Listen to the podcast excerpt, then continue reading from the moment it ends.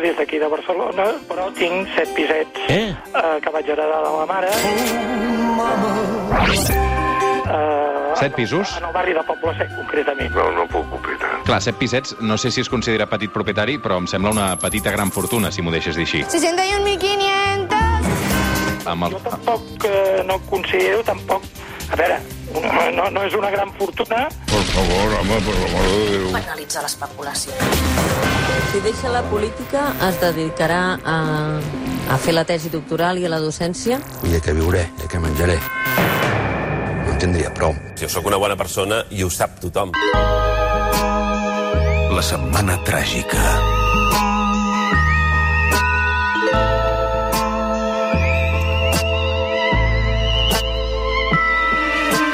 Això és la setmana tràgica. Avui, des de Londres, el Ion Sindreu, periodista, columnista del Wall Street Journal. Bon dia, Ion. Bon dia. Has menjat panellets, ja? No, no, no, hi ha, no en sé fer jo de panellets. De fet, a la- a l'escola en fèiem, eh? però jo no... No te'ls no, menjaves no, no em vaig perquè quedar al secret, eh? Portaven, portaven de tot aquells panellets de l'escola, eh?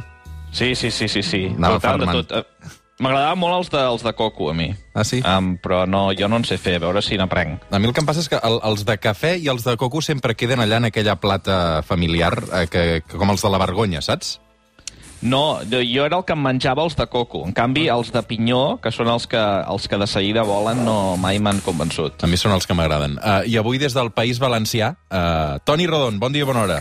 Bon dia, bona hora. Doctor europeu en Ciències Polítiques, investigador a la London School uh, of Economics, també professor de la UPF, al País Valencià, en aquest cas, uh, per passar aquests dies. Uh, Toni, com estàs? Bé, uh, jo que no serveixi de precedent, però estic d'acord amb en Jon, eh? Els, els panellets de coco són els millors. A mi m'encantaven, també. Mm, molt bé, uh, doncs uh, discrepo. Uh, Això demostra per què eh, després no sabem connectar amb el poble, eh? És perquè, bé... Uns inadaptats. gustos diferents, sí, sí. Un, escolta'm, a tu, aquí, aquí a Londres passa que et piquen a la porta per Halloween per demanar carmels o no? A veure, he, he, sí, he de dir que, que, clar, quan vius en un pis, no, i sobretot en, en un pis bastant amunt, com, com jo, no sé, no sé exactament si passa. A mi no m'ha passat. Um, però sí, en teoria, en teoria passa. Uh, ara, aquest any, uh, jo pel que he vist en el barri hi ha bastant, o hi, hi ha hagut bastant no, de decepció, perquè, clar, uh, jo he vist molts cartells de, de, que davant de les cases hi posa que aquesta, no, que enguany no hi haurà carmels perquè uh, el tema del Covid fa que no sigui segur i, per tant, ja diuen als nens que no s'acostin. Uh, per tant, és un escenari, suposo que pels nens que fan això del Halloween, bastant depriment. Mm. Escolta'm, uh, Ion, i com ho portes, això d'aquest anunci de Boris Johnson d'ahir al vespre, uh, un mes almenys tancats a casa, amb un canvi de discurs que ha fet en menys d'un any eh, Boris Johnson de 180 graus, eh?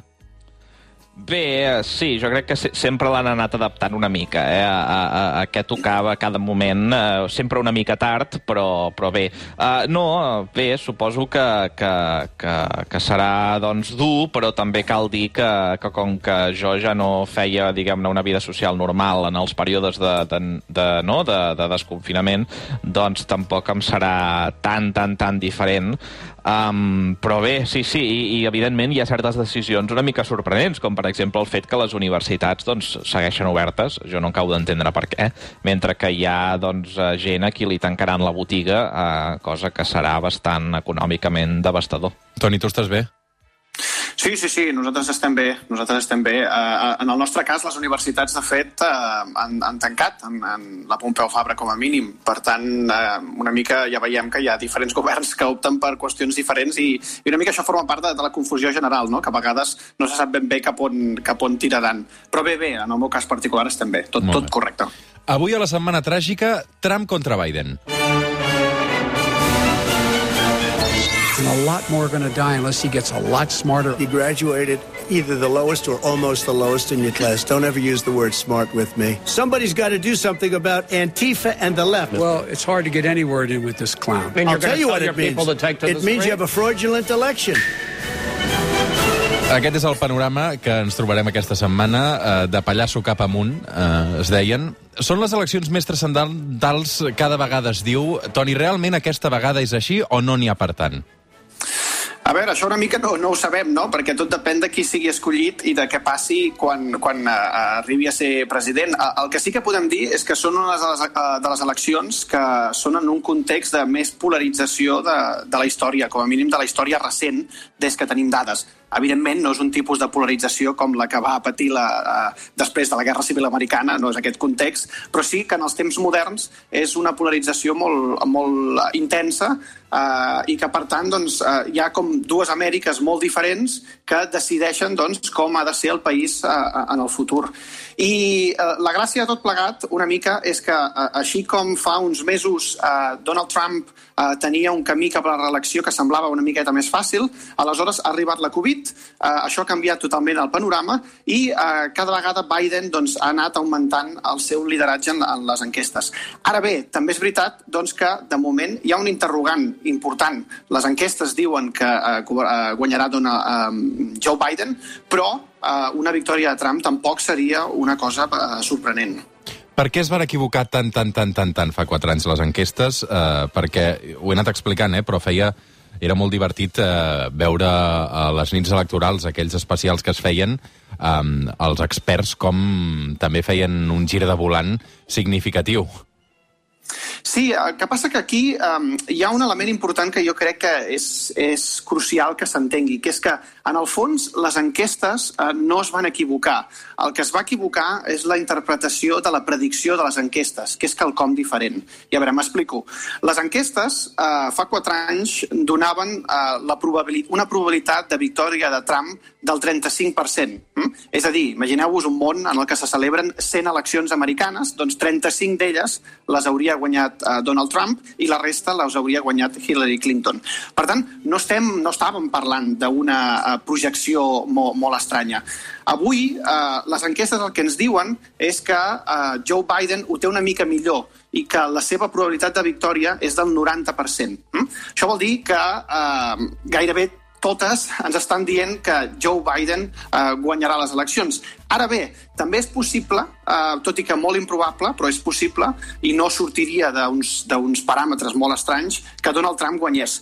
Ara, tot això passarà només si hi ha una combinació de resultats eh, una mica estranya o estrambòtica, també s'ha de dir. És a dir, que Donald Trump guanyi de forma inesperada en diferents estats en els quals doncs, Joe Biden avui en dia té una, un avantatge considerable, eh, com poden ser Ohio, Michigan, Carolina del Nord, etc etc. Però, però a veure. Toni, una cosa, sí. eh? Uh, és que, uh, uh, a veure, per, per començar, hi havia models d'aquests de, de, no, de científics o, o, o, de, o de diaris que deien que uh, Hillary Clinton tenia un 95 o un 99% de probabilitats de guanyar. Per tant, això també uh, tenia tela marinera. Però a més, però a més a més d'això, i, ara, i tampoc vull obrir aquest, aquest uh, meló uh, perquè ens hi passem hores, eh? però aquesta idea de que hi ha un 30% de probabilitats de guanyar, què punyeta vol dir això? O sigui, a veure, uh, això, això és és una cosa d'un model matemàtic, però en el món no hi ha 100 eleccions americanes i, i 30 cauen d'una cara no? i 60 cauen d'una creu.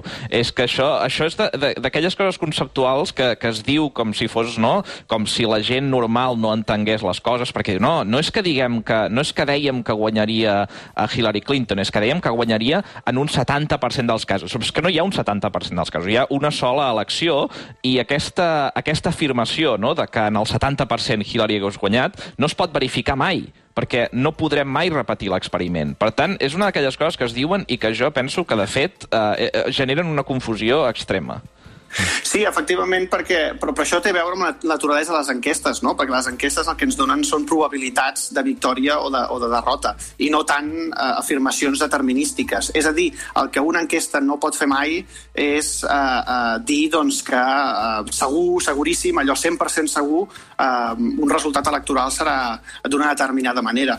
També he de dir que, que això depèn molt de com s'interpreta la cuina de les enquestes. Per exemple, fa quatre anys va haver-hi una cosa que les enquestes als Estats Units van fallar molt, que és que van infraestimar la participació de molts americans que viuen en zones suburbanes que són, que són blancs.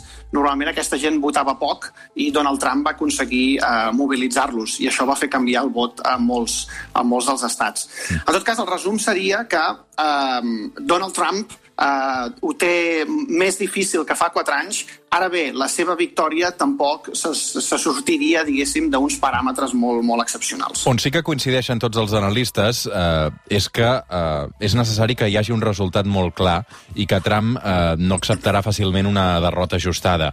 Um, per tant, aquesta és una de les claus. I, de fet, d'aquí uns dies al suplement emetrem una entrevista amb el periodista i escriptor Ramon Lobo, un veterà corresponsal de guerra que es mira als Estats Units amb especial també interès perquè els coneix de molt a prop. I, atenció, aquest és un extracte de l'entrevista que avancem aquesta setmana. Uh, fa aquesta advertència. Yo creo que el problema va a ser que Trump no va a reconocer el resultado si pierde. Eh, incluso si la noche electoral no hay resultados, que es muy probable que no haya resultados por un elevado número de voto por correo, eh, él se va a declarar vencedor y cualquier resultado que no coincida con lo que ha dicho es un robo. Estados Unidos se dirige a un escenario peligrosísimo en el que un enfrentamiento civil no está descartado. Aquest relat. Uh, no sé si vosaltres també uh, el veieu així o el relativitzeu. Jo, és, és una mica apocalíptic, diria jo. Eh? A, a veure, jo estic d'acord amb la primera part de l'afirmació i no, potser no tant amb la segona part. La, la primera part bastant més i, i té a veure amb el, amb el que es comentava, no? de, dels vots per correu. Cal dir que avui eh, hi han votat 90 milions de persones als Estats Units i 60 milions de persones ho han fet per, per correu, per correu postal. I això per què és important? Doncs per la simple raó que el correu postal en molts llocs no es compta el mateix dimarts, eh, o començaran a comptar el dimarts, però no acabaran el mateix dimarts eh, eh, de comptar totes les paperetes. I això es pot allargar, en alguns casos, en alguns estats, per experiències prèvies, fins a un mes. Per tant, ens, ens estem en un escenari en el que probablement, depèn del que passi, és possible que la nit electoral es doni com a guanyador, entre cometes, a Donald Trump. Per què? Doncs perquè la gent que vota a les urnes, al col·legi electoral, és més republicana que no els que, eh, que, no els que ho fan per correu eh, postal. Però clar, això, I, és, peri... les... això és perillosíssim, això que m'estàs dient, perquè si la nit electoral eh, Donald Trump eh, es dona com a vencedor, celebra la victòria i al caps d'uns dies eh, precisament se li, se li resta o se li treu aquesta victòria i se l'adjudica a Biden, aleshores sí que tindrem aquest escenari en què potser Trump no ho accepta de cap de les maneres, no? Bé, eh, clar, aquí és possible que no ho accepti. La qüestió és si els mecanismes institucionals eh, no, no eh, impedeixen que no ho accepti d'alguna manera, perquè eh, la comissió electoral declararà un guanyador. La, la gran diferència és que la, el guanyador no es de, en algun escenari no es declararà el mateix dia, sinó que es declararà quan es comptin totes les paperetes que han arribat per correu, que repeteixo són 60 milions, i són moltes. Per tant, d'aquí ve una mica aquesta idea que Donald Trump ha anat insistint durant la campanya de que hi ha hagut frau, de que les paperetes no compten, perquè ell sap, el seu equip de campanya sap, que la gent que vota per correu és més demòcrata que no pas republicana. Per tant, en un d'aquests escenaris que se'ns presenta, pot ser que anem cap a unes eleccions eh, força llargues i controvertides. Ion. No, eh, a veure, és veritat, això, la por aquesta no, de l'enfrontament civil eh, hi és, i, i quan tu parles amb, amb gent en els mercats financers, doncs eh, ho esmenten. Eh, jo crec que, que, no ho sé, eh, potser m'equivoco, però jo crec que, que s'exagera una mica, eh? és a dir, la, la, la, la possibilitat que això passi, eh, per més que, que, que Donald Trump, eh, doncs ell, no, en, en, en rodes de premsa digui o no ho accepto o no hi estic d'acord o tal, però la possibilitat que ell, que ell diguem-ne, no renunciï no? I, i no admeti realment el resultat amb, amb les seves accions, no? Eh, això és una mica no? com la, la declaració d'independència, tu declares la independència, però després no fas res, doncs jo crec que, que és més probable que, que això sigui una mica així. Um, clar, quan diu, bueno, no, no, l'enfrontament civil no, no, no està descartat. Dius, bueno, clar, moltes coses no estan descartades, no? És a dir, uh, que, que Junior Firpo sigui un bon lateral no està descartat, però uh, és improbable, no?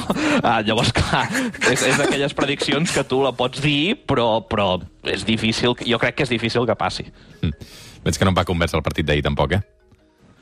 No, no, mira, de fet vaig acabar relativament content. Eh? Allò, perquè fe, feia molt temps que, que, que no passava això de que anaves empatant i, i tenies la sensació que, que, mira, que el partit tenia gràcia i que potser encara guanyaries, no? Això feia molt, molt temps que no passava, perquè no? fins ara és allò que no...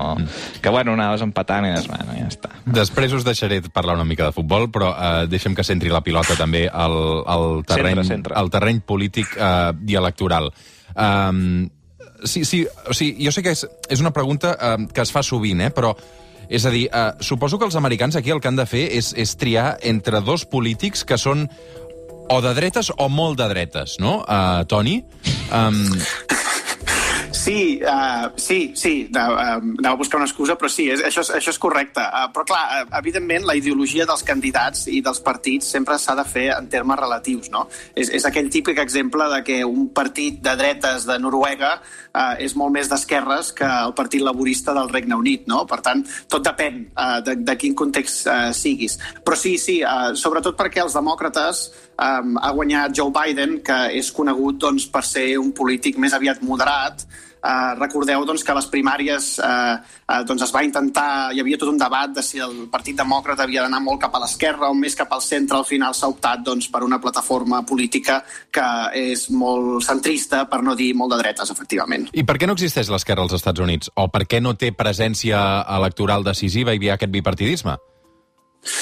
Bé, doncs una, una primera qüestió és una qüestió estructural, no? És que potser el país a nivell ideològic doncs, és més aviat eh, conservador. I, i l'altra segona qüestió important és el, el sistema electoral. El sistema electoral, eh, el fet que no sigui un sistema electoral proporcional, sinó que sigui majoritari, és a dir, que el que guanya s'emporta tots els vots eh, tots els delegats del col·legi electoral, fa que es penalitzi molt eh, els tercers candidats més petits d'esquerres que en molts països doncs, aconsegueixen que les polítiques públiques siguin més, més d'esquerres. Uh -huh. En tot cas, això també s'ha de relativitzar, eh? perquè sí que és veritat que als Estats Units, a nivell de presidencial, poden ser molt conservadors, però després, a molts estats, les polítiques que fan són molt progressistes. Molt bé. Uh, Ion, quan costa presentar-se uh, com a president dels Estats Units? Home, això és difícil, és difícil de dir, no? Depèn, eh, cada campanya és, és diferent. Eh, en aquest 2020, en principi, les eleccions seran les més cares de, de la història. Eh? eh entre, diguem-ne, Donald Trump i Joe Biden, eh, doncs les campanyes eh, es calcula eh, que acabaran costant uns 11.000 milions eh, de dòlars, que és una mica eh, eh, el doble, quan ajustes per inflació, que el 2016. Eh, per posar-nos en context, perquè aquí, en els Estats Units, eh, hi ha una sèrie de, de tercers candidats, que això a vegades la gent no n'és conscient, eh? és a dir, el Partit eh, Demòcrata i el Partit Republicà eh, presenten eh, els seus candidats i tothom sap que són el, un dels dos guanyarà, eh, però hi ha una sèrie d'altres partits que també es presenten. Eh, no sé si, per exemple, heu vist eh, Tiger King, aquell documental de Netflix. Boníssim, sí, sí. sí. sí. Aquest, doncs, persona, aquest personatge també fa una... s'intenta presentar, no?, de governador, crec que és. Uh, bé, eh, la campanya del governador va ser més, més seriosa, però també es va presentar de president en el 2016. Jo, de fet, uh, el coneixia per això i no, no sabia tota la història que després ha sortit en el documental, però jo recordava que ell s'havia presentat per president el 2016. Um, per tant, hi ha una sèrie de, de, de friquis que es van presentant i fins i tot hi ha una sèrie de, de, de, de, de gent que són menys friquis, diguem, però que es presenten per partits amb llarga tradició. Per exemple, uh, el 2016 teníem Gary Johnson Johnson uh, no, pel Partit Llibertari o Jill Stein pel, pel, pel Green Party, pels Verds, i si mires quan van costar aquelles campanyes, per tenir una mica una idea no, de si vols ser una persona mínimament seriosa que es presenta a president però sense tenir aquesta gran infraestructura, quan, quan et pots arribar a gastar? Uh, Jill Stein es va gastar uns uh, 3 uh, milions de dòlars i Gary Johnson se'n va gastar uns 12. Uh, per tant, uh, com podeu veure, no és barat eh, presentar-se a president, encara que, que tinguis poques opcions, et t'acabes gastant uns 3 milions de dòlars. Uh, evidentment, les, les grans campanyes dels grans partits ja són una cosa totalment fora de control. Mm -hmm. uh, per tancar, un pronòstic, si plau, uh, que així el gravarem i us el repetiré uh, diumenge que ve. Mm. Silenci. Uh, no Silenci. Rodon, va, Rodon, dispara. Que, que, com, no, que comenci jo. que comenci jo? Uh, home, jo, a veure, els pronòstics són, són complicats. Uh, cal dir que, que els mercats financers uh, doncs estan bastant convençuts que guanyarà Biden, però una de les grans preguntes per ells és què passarà amb el Senat, perquè evidentment eh, els mercats tenen una certa preferència per Donald Trump, eh, perquè el 2016 va retallar molt els impostos, eh, però, eh, com deia el Toni, eh, jo crec que Biden, de fet, és un president eh, molt de dretes que acabarà agradant encara més. Eh? Eh, i, I històricament, de fet, tot i que les victòries republicanes han generat no, més creixement de borses inicialment, després els demòcrates ho han fet millor. Eh, llavors, els mercats estan bastant bastant convençuts uh, que, que, serà, que serà Biden i no tenen clar el tema del Senat. Llavors, jo amb el Senat no, hi, no hi entro, uh -huh. uh, però jo sí que crec que és probable que guanyi Biden. Uh, la raó és perquè crec que la victòria de Trump el 2016 és difícil de repetir. Uh, recordem que, com deia el Toni abans, en el vot popular va perdre de molt i uh, va guanyar gràcies a victòries decisives uh, a certs estats. Jo crec que uh, tenint un candidat que no és tan impopular com Hillary Clinton és difícil de repetir allò, perquè, a més a més, ara la gent ja sap que Donald Trump pot guanyar eleccions. Llavors, jo crec que hi havia molt votant desmobilitzat demòcrata que no se n'adonava, que jo crec que ara votarà. Um, per tant, jo crec que tot i que hi ha un, un efecte molt important als Estats Units, a que a tots els presidents els hi dones 8 anys, generalment, no, no, és a dir, si els votes un cop, la gent tendeix a votar-los un altre cop. Uh, jo crec que abans del Covid era una mica, no?, un 50-50, jo crec que ara amb el Covid uh, és bastant probable que, que Biden guanyi, i a més a més, pensem en tota la gent que es va equivocar a fent aquests models de les enquestes el 2016 i que enguany no es volen equivocar i que crec que si, si hi ha cert efecte és precisament que estan corregint a l'altra banda. Eh? Toni Breu, I, per sisplau. estan exagerant. La Sí, a veure, jo, aquesta setmana ha sortit publicat uh, 10, 10 prediccions fetes per 10 politòlegs diferents i, i 7 d'elles donen la victòria a Biden i 3 a Trump, per tant jo faré cas als meus col·legues, uh, tot i que amb risc d'equivocar-me molt, però diria que Biden guanyarà les eleccions. Molt bé, doncs uh, queda clar aquest missatge. Uh, molta sort, descanseu, cuideu-vos i diumenge que ve ho comentem tot plegat i us uh, repetiré aquest fragment, d'acord? Molt bé. I tant, i tant. Uh, que vagi molt bé, gràcies a tots dos.